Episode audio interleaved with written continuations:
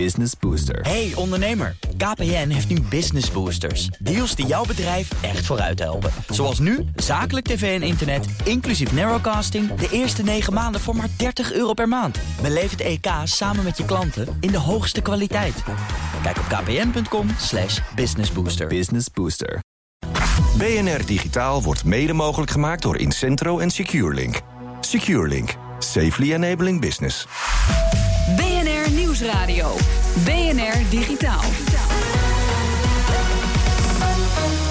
Blankenstein. Hoe wenselijk is het dat een overheid zich bemoeit met cryptovaluta? China doet het en niet zo zachtzinnig. Per direct is crowdfunding via nieuwe cryptovaluta, via initial coin offerings, daar verboden. Dat ga ik zo bespreken met Daan Kleiman van Bitonic.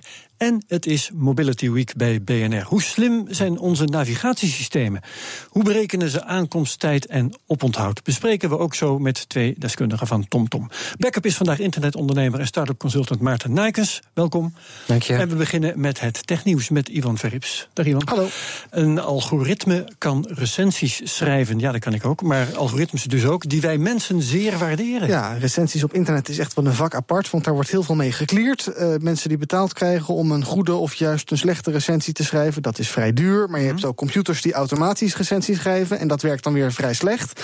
Um, maar computerwetenschappers van de University of Chicago hebben een neuraal netwerk ontwikkeld dat reviews schrijft. En uh, dat blijkt uit testen dat zij door mensen niet te onderscheiden zijn van echte reviews. En sterker nog, dat wij die mensen aangaven dat we die recensies ook wel hulpvol, uh, handig vonden. veel aan gehad, Precies. mag je dan aankruisen. Uh, dus ja, als dit een sta staande praktijk wordt, dan kan je die sites niet meer vertrouwen. En ja, hoe bepaal je dan naar welk restaurant je moet gaan?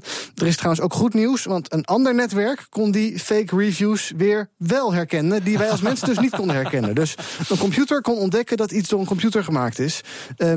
Het laatste goede nieuws is dat het herkennen van nepberichten uh, goedkoper blijkt dan het verbeteren van het schrijven van fake berichten. Dus voorlopig lijken we nog wel aan de goede kant te zitten. Als ik straks thuis ben, ga ik hier nog eens heel diep over nadenken. Want, uh, ja, dat is bijna goed. filosofisch. Ja. Ja. Oude mensen in de gaten houden, dat kan ook. En daarvoor kunnen we dan binnenkort een speciaal kastje in de huiskamer zetten. Ja, interessant is een ontwikkeling, uh, een techniek die is ontwikkeld door de NASA om slachtoffers te vinden bij rampen, onder puin en dergelijke. En dat gaat door uh, middel van uh, low energy radarsignalen.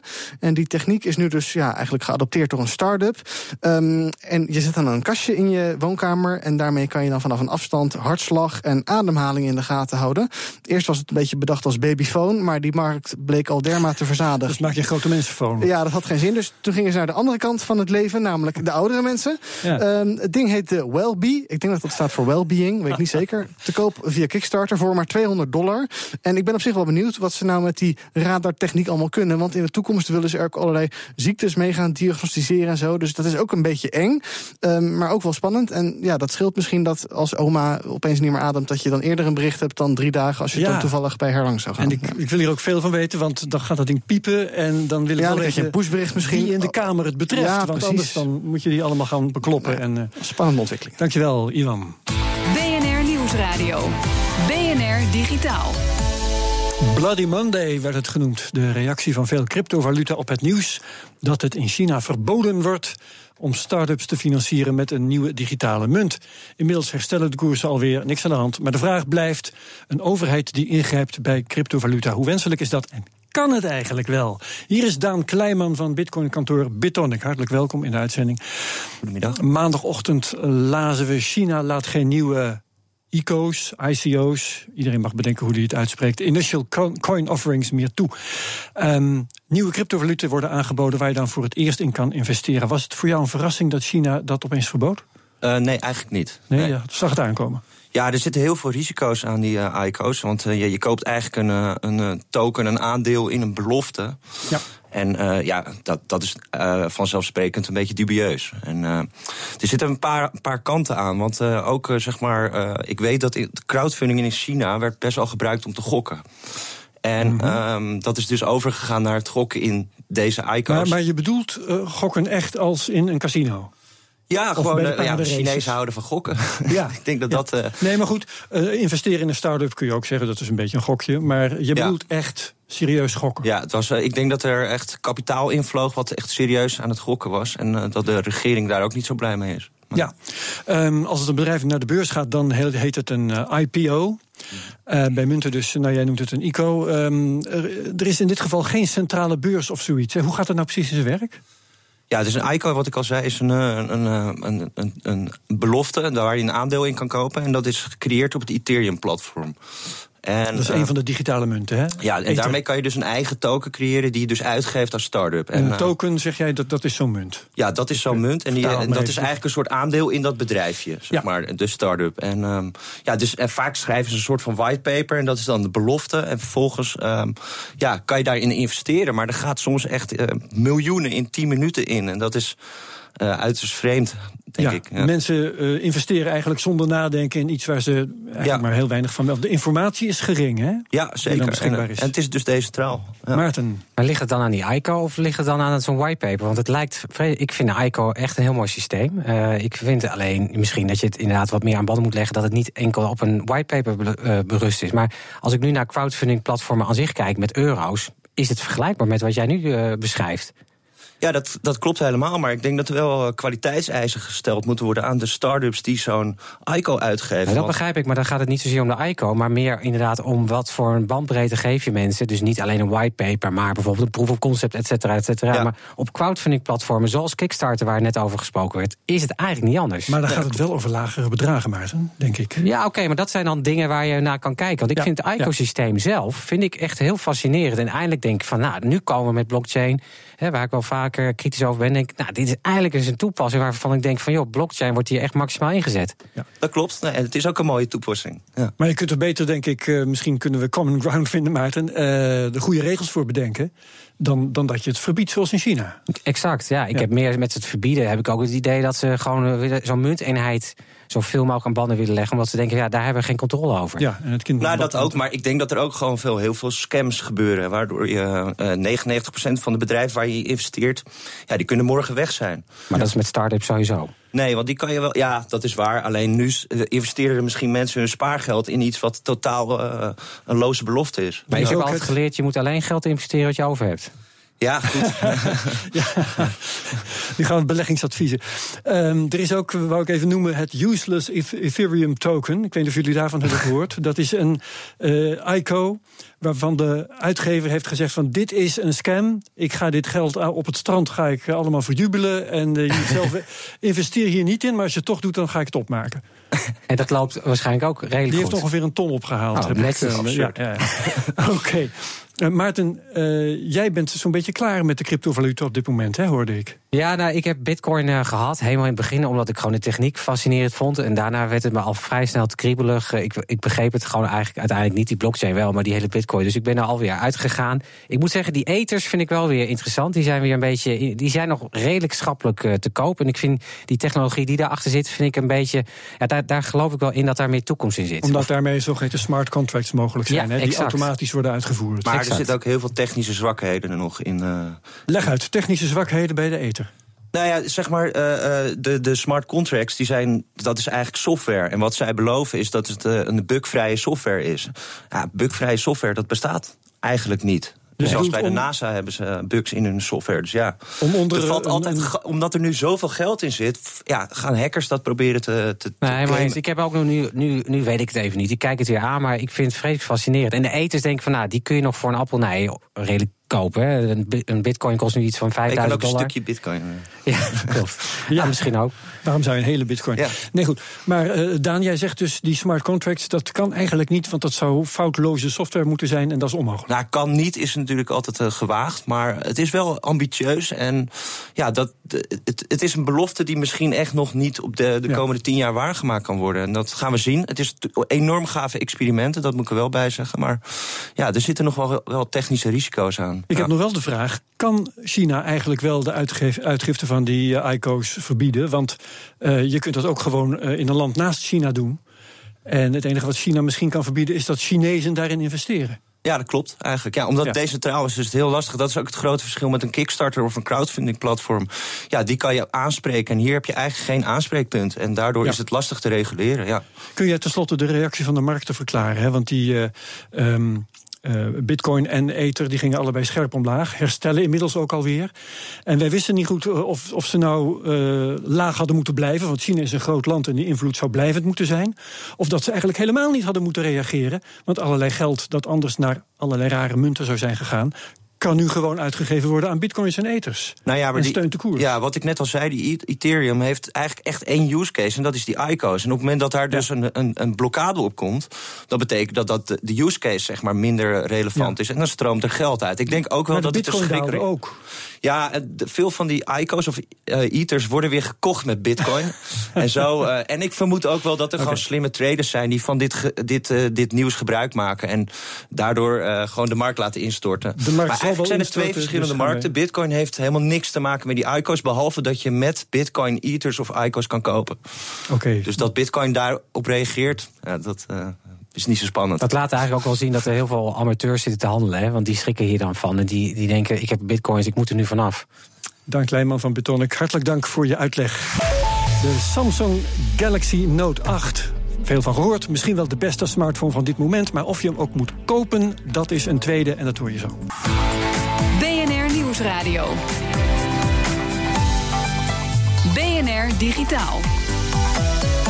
Niemand zal ontkennen dat de Samsung Galaxy Note 8 pas verschenen. Misschien wel de beste telefoon van dit moment is. Maar moet je hem ook kopen? Nee, zegt Louis Hilzenteger van YouTube-kanaal Unbox Therapy. Bijzonder kanaal.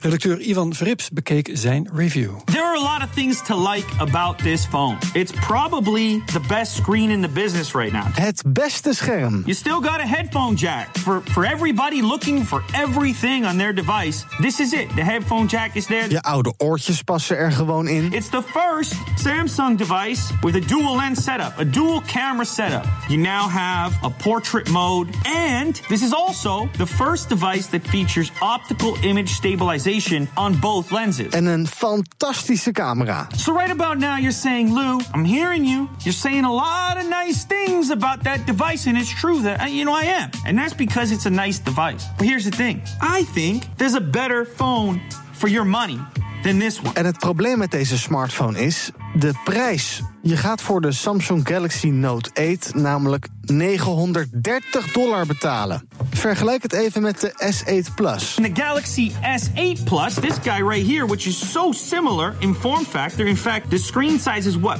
0.1 inches smaller? The same resolution and a better screen to body ratio, percentage wise. Hilson Teger vindt de S8 Plus ook lekkerder in de hand liggen. Maar dat is natuurlijk persoonlijk. Op een ander gebied is de S8 Plus feitelijk zelfs beter. The S8 Plus has a bigger battery than the Note series. They had to slide the pen in there. Plus, it's an incredible feat of engineering to get this dual lens system completely recessed into the unit. But that doesn't change the fact that you're dealing with a 3300 milliamp hour battery on the more expensive device, on the Note device, where you've got 3500 milliamp hours in the S8 Plus. Dan nog even over de prijs. De Note 8 kost dus 930 dollar. Now the S8 Plus originally retailed for 825 bucks. But here's the thing, that's not what you're going to pay for an S8 Plus today. In fact, that price has plummeted. Right now on Amazon, you can pick this up for 675. So we're talking about almost $300 more for the Note versus the S8 Plus. Als je geld als water hebt, tuurlijk, koop die Note 8. Maar als je de verhouding prijs-kwaliteit belangrijk vindt, zijn dat pennetje en die nieuwe camera dat dan wel waard? Every time I get a Note series, I just can't get in the habit of pulling this thing out on a frequent basis. Same thing goes for the portrait mode. Maybe you use it a little bit here, there, who knows? But when it comes to battery, you use it every day. Even a little bit of extra battery is something you can utilize right now. Dan heb je ook nog de standaard S8. Die is nog eens 100 dollar goedkoper dan zijn Plus broertje. I mean, it's a smaller display, okay? Fine, I get that. But still super high res. It's still got the same horsepower. And in some cases, it's a little bit more usable. 575 on Amazon. Think about that increase in price up to the Note. That's huge. 575 to 930? Een verschil van 350 dollar. Het advies lijkt me redelijk duidelijk. So there you have it. Don't buy the new Note. Get yourself an S8 Plus. You'll be happier. You spend your cash on something better. Or you just save it. I don't know. You Get a college education or something. Ultimately, it's up to you. It's your money at the end of the day. Ja, de verbale orkaan van Louis Hilsenteger. En als je zelf eh, 3 miljoen views of eh, meer zelfs, en als je hem zelf wil bekijken, link staat op bnr.nl/slash digitaal. De BNR Mobility Week. Iedereen kent het wel, volgens je navigatiesysteem zou je ritje nog 30 minuten duren, maar het wordt nog wel eens heel wat later. Het is Mobility Week op BNR en daarom gaan we inzoomen op de evolutie die navigatiesystemen doormaken en dan speciaal de verwachting van je aankomsttijd, de ETA, Estimated Time of Arrival. Daarover ga ik praten met twee deskundigen van TomTom. Edwin Kools, hij is expert in verkeersdata. Hartelijk welkom. Goedemiddag. En Leon van Helvoort, product manager navigatiesoftware. Ook hartelijk welkom hier in de studio. Backup Maarten Nijkens, die vast ook een navigatiedoosje heeft. Of nee, hè? Eigenlijk niet. Ik heb geen auto meer, maar ik heb wel een navigatiedoosje en dat is Google Maps. Ja, en Ja. bevalt dat een beetje? Ja, heel goed. Ik gebruik Ja. het heel veel. En, eh, het enige wat beter zou kunnen is denk ik eh, obstructies. eh, bijvoorbeeld in de stad Amsterdam waar ik woon. Hè. Dat is wegen die opengebroken zijn, opengebroken zijn, wat vrij vaak gebeurt hier. Ja. Dat zou daar nog wel iets beter in geïntegreerd kunnen worden. Ja, oké. Nou, er eh, was veel herkenning hier op de redactie eh, bij het verhaal over die schatting van die aankomsttijd, die nog wel eens anders uitpakt dan eh, dat ding oorspronkelijk schat. Leon, hebben jullie enig idee met bijvoorbeeld statistieken hoe accuraat die schattingen zijn over het algemeen? Ja, zeker. Eh, op de eerste plaats, eh, de naam zegt het al, estimated time of arrival. Het is, is een schatting. een schatting. Ja, ja, ja, ja. Klopt. Ehm, en eh, verder zien we ook wel grote verschillen tussen verschillende navigatiesystemen. Maar als ik me even beperk tot TomTom. ehm, eh, ja, we, st- we staan al jaren bekend voor onze goede routes en nauwkeurige E ETA's. De reclame laten we even uit de beschouwing. Hè? Ja, maar ehm, eh, we zien dat. eh, nee, maar hebben we gewoon harde, harde cijfers? ja, we zien zeggen? dat wij een nauwkeurigheid in normale situaties eh, halen van dicht eh, bij de 100 procent. je hebt natuurlijk uitschieters als je tijdens je rit bijvoorbeeld een, een onverwachte grote file krijgt, dan eh, heeft dat duidelijk een impact. Ja. Maar dan nog proberen we een alternatieve route te berekenen om die impact eh, zoveel mogelijk te beperken. Ja, nee, maar wat, wat ik als ervaring heb, is ik zie zo, eh, ik heb een vrije weg voor me, een bepaalde tijd wordt er gegeven. En dan zie ik op een gegeven moment, eh, wordt er een file gemeld. En dan zie ik dat geschatte oponthoud toenemen, terwijl ik nog helemaal niet bij de file ben.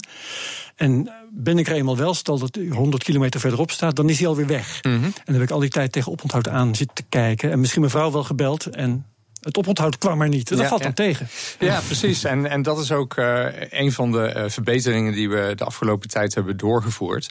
Dus eh, we weten nu voor elke file. Eh, wat de geschatte levensduur is van die file. Dus we houden er rekening mee Houden dat als, al er- rekening als een file 100 kilometer verderop staat, eh, dan weten we, oké, tegen de tijd dat je daar bent, dan is die waarschijnlijk niet meer relevant. Dus dan zie je dat ook niet terug in je ETA. Ja, ja, ja, ja. oké. Dan laten jullie ook misschien eh, kunstmatige intelligentie oplossen, of hoe doen jullie dat? Nou Ja, ja, dat is we, ja, hallo, goedemiddag. Ehm, ja, we gebruiken eigenlijk eh, verschillende data. Eh, we hebben heel veel apparaten eh, rondrijden op de weg. Dus je kan erbij denken natuurlijk aan de TomTom-kastjes zelf... maar ook aan navigatiesystemen die in voertuigen zijn ingebouwd... apps, telefoons en dergelijke.